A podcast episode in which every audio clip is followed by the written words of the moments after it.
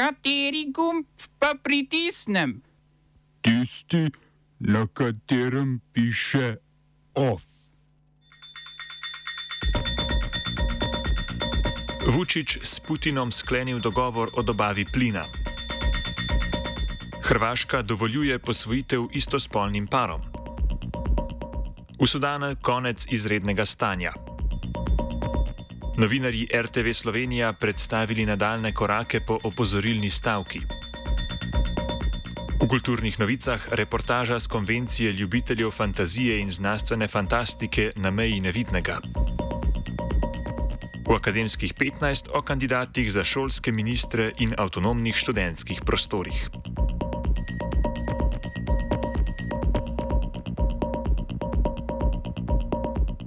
Pozdravljeni. Srpski predsednik Aleksandar Vučić in ruski predsednik Vladimir Putin sta se v telefonskem pogovoru dogovorila o sklenitvi pogodbe o nadaljni dobavi ruskega zemljskega plina Srbiji.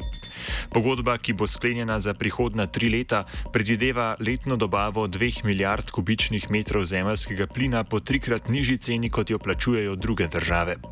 To predstavlja dve tretjini plina, ki ga potrebuje Srbija, tri četrtine pa ga dobi iz Rusije.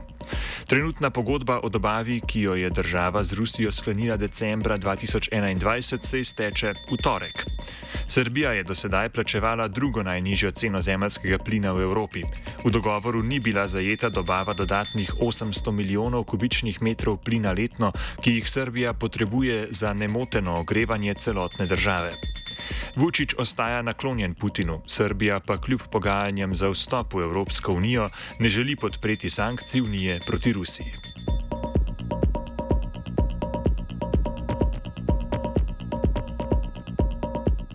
Hrvaško višje upravno sodišče je odločilo, da lahko istospolni pari pristopijo k ocenjevanju za posvojitev otrok, s čimer so pravice istospolnih parov izenačene s pravicami drugih partnerskih zvez. Postopek je pred šestimi leti sprožila zgodba Mladena Kođiča in Iva Šegote, ki so ju na Centru za socialno delo zavrnili, saj živita v istospolni partnerski skupnosti. Njuni prošnji za posvojitev ali rejništvo otrok je pred dvema letoma ugodilo Hrvaško prvostopansko sodišče. Odobritev sicer pomeni možnost pristopanja k ocenjevanju, ne pa nujno tudi posvojitve otroka, saj mora par zadostiti splošnim kriterijem za posvojitev oziroma rejništvo. Više upravno sodišče je zdaj dokončno zavrnilo pritožbo Ministrstva za demografijo, družino, mlade in socialno politiko.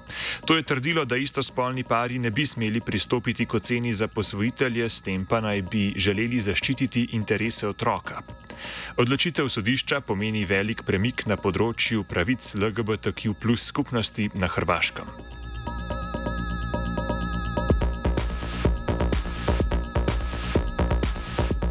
Nemška vlada in opozicijska konzervativna stranka CDU sta sklenili dogovor o oblikovanju 100 milijardnega sklada za modernizacijo vojske.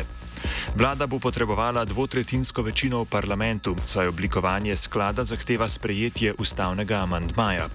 Sklad bo oblikovan zunaj obstoječega proračuna države in zato ne bo podvržen zlatemu proračunskemu pravilu o ravnoteženju ja, državnih financ.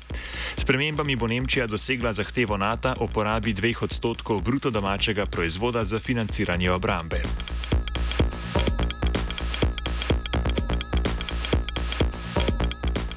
V prvem krogu predsedniških volitev v Kolumbiji, ki je potekal v nedeljo, je največje število glasov dosegel levičar Gustavo Petro.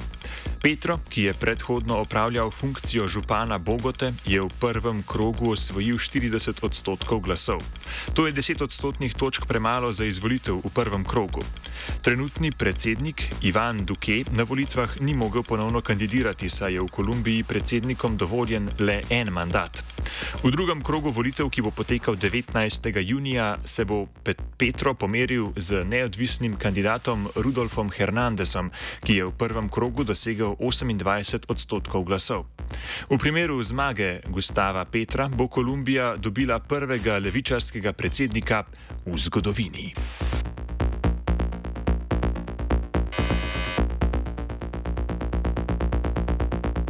Sudanski vojaški voditelj Abdel Fattah al-Burhan je priklical izredno stanje, ki ga je uvedel ob državnem udaru oktobra lani. Enajstčlanski suvereni svet Sudana je potrdil, da je Al-Burhan podal odlog, s katerim je bilo izredno stanje odpravljeno po vsej državi. Stanje je bilo uvedeno, ko je Al-Burhan razpustil predhodno vlado in aretiral člane prejšnjega vladnega kabineta. Sudan se od državnega udara sooča z mnogimi protesti, v njih pa je bilo ubitih skupno okoli 100 ljudi. Kot pravi, izrednega stanja je pozval tudi predsednik Združenih narodov Folkers Pertes, potem ko je sobotni protest proti državnemu udaru tvegal nove smrtne žrtve.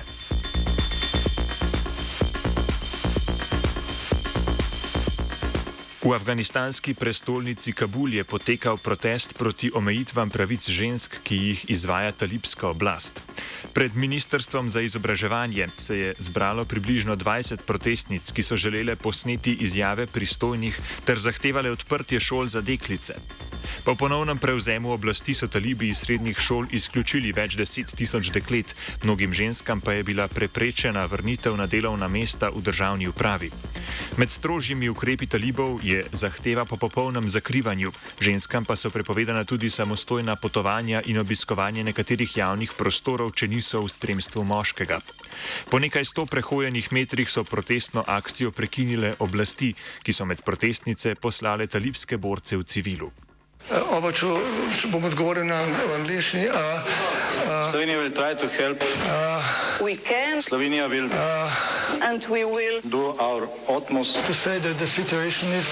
Our problem ourselves. And uh, we will. Uh, make further steps as soon as the conditions are. Bomo vlado Marjana Cerer, Marjana Cerer Šarca podprli. Uh, very, very serious. From Slovenia. We know how and we will.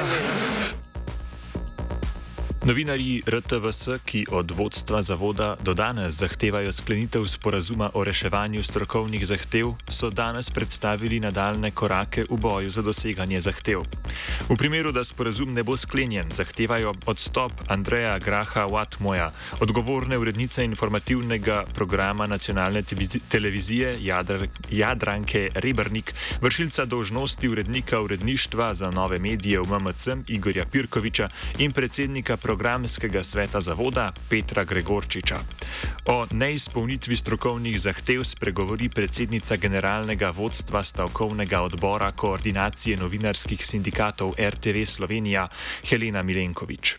Generalno vodstvo stavkovnega odbora tako ugotavlja, da do dneva sprejema tega sklepa, torej 25.5. stavkovne zahteve niso bile izpolnjene, zato ni razloga za preklic stavke. Generalno vodstvo stavkovnega odbora tako lahko stavko aktivira kadarkoli, o nadaljnih stavkovnih aktivnostih pa bo odločilo sproti, glede na neuspešnost pogajalskega procesa o naših stavkovnih zahtevah oziroma uspešnosti pogajanj. Milenkovič predstavi časovnico pogajanj, ki bodo potekala v prihodnih dneh. Uh, v petek smo, kot smo že sporočili javnosti, na tretjem sestanku od napovedi stavke 13. maja smo se pogajalska skupina z generalnim direktorjem sestali tretjič in podpisali poslovnik o vodenju pogajanj o strokovnih zahtevah. Poslovnik je tako zdaj uradna podlaga za začetek pogajanj o konkretnih strokovnih zahtevah.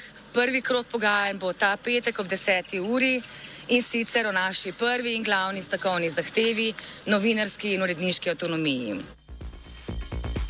Več o dogajanju na RTV Slovenija sledi v offsajdu ob petih. V soboto se je začelo zaslišanje ministerskih kandidatov nove vlade mandatarja Roberta Goloba. Poslancem se je predstavilo pet kandidatov, vsi so bili tudi potrjeni. Ministr za gospodarstvo Matjaš Han, ministr za slovence v zamestju Matej Arčon, ministr za kohezijo Aleksandr Jevšek, ministr za izobraževanje Igor Papič in ministrica za digitalno preobrazbo Emilija Stojmenova Duh. Danes se zaslišanja nadaljujejo.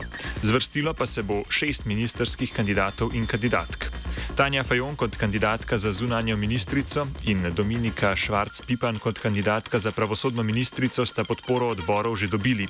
Sledijo pa še Klemen Boštjančič kot kandidat za finančnega ministra, Marjan Šarec kot kandidat za obramnega ministra in Sanja Ajanovič-Hovnik kot kandidatka za ministrico za javno upravo.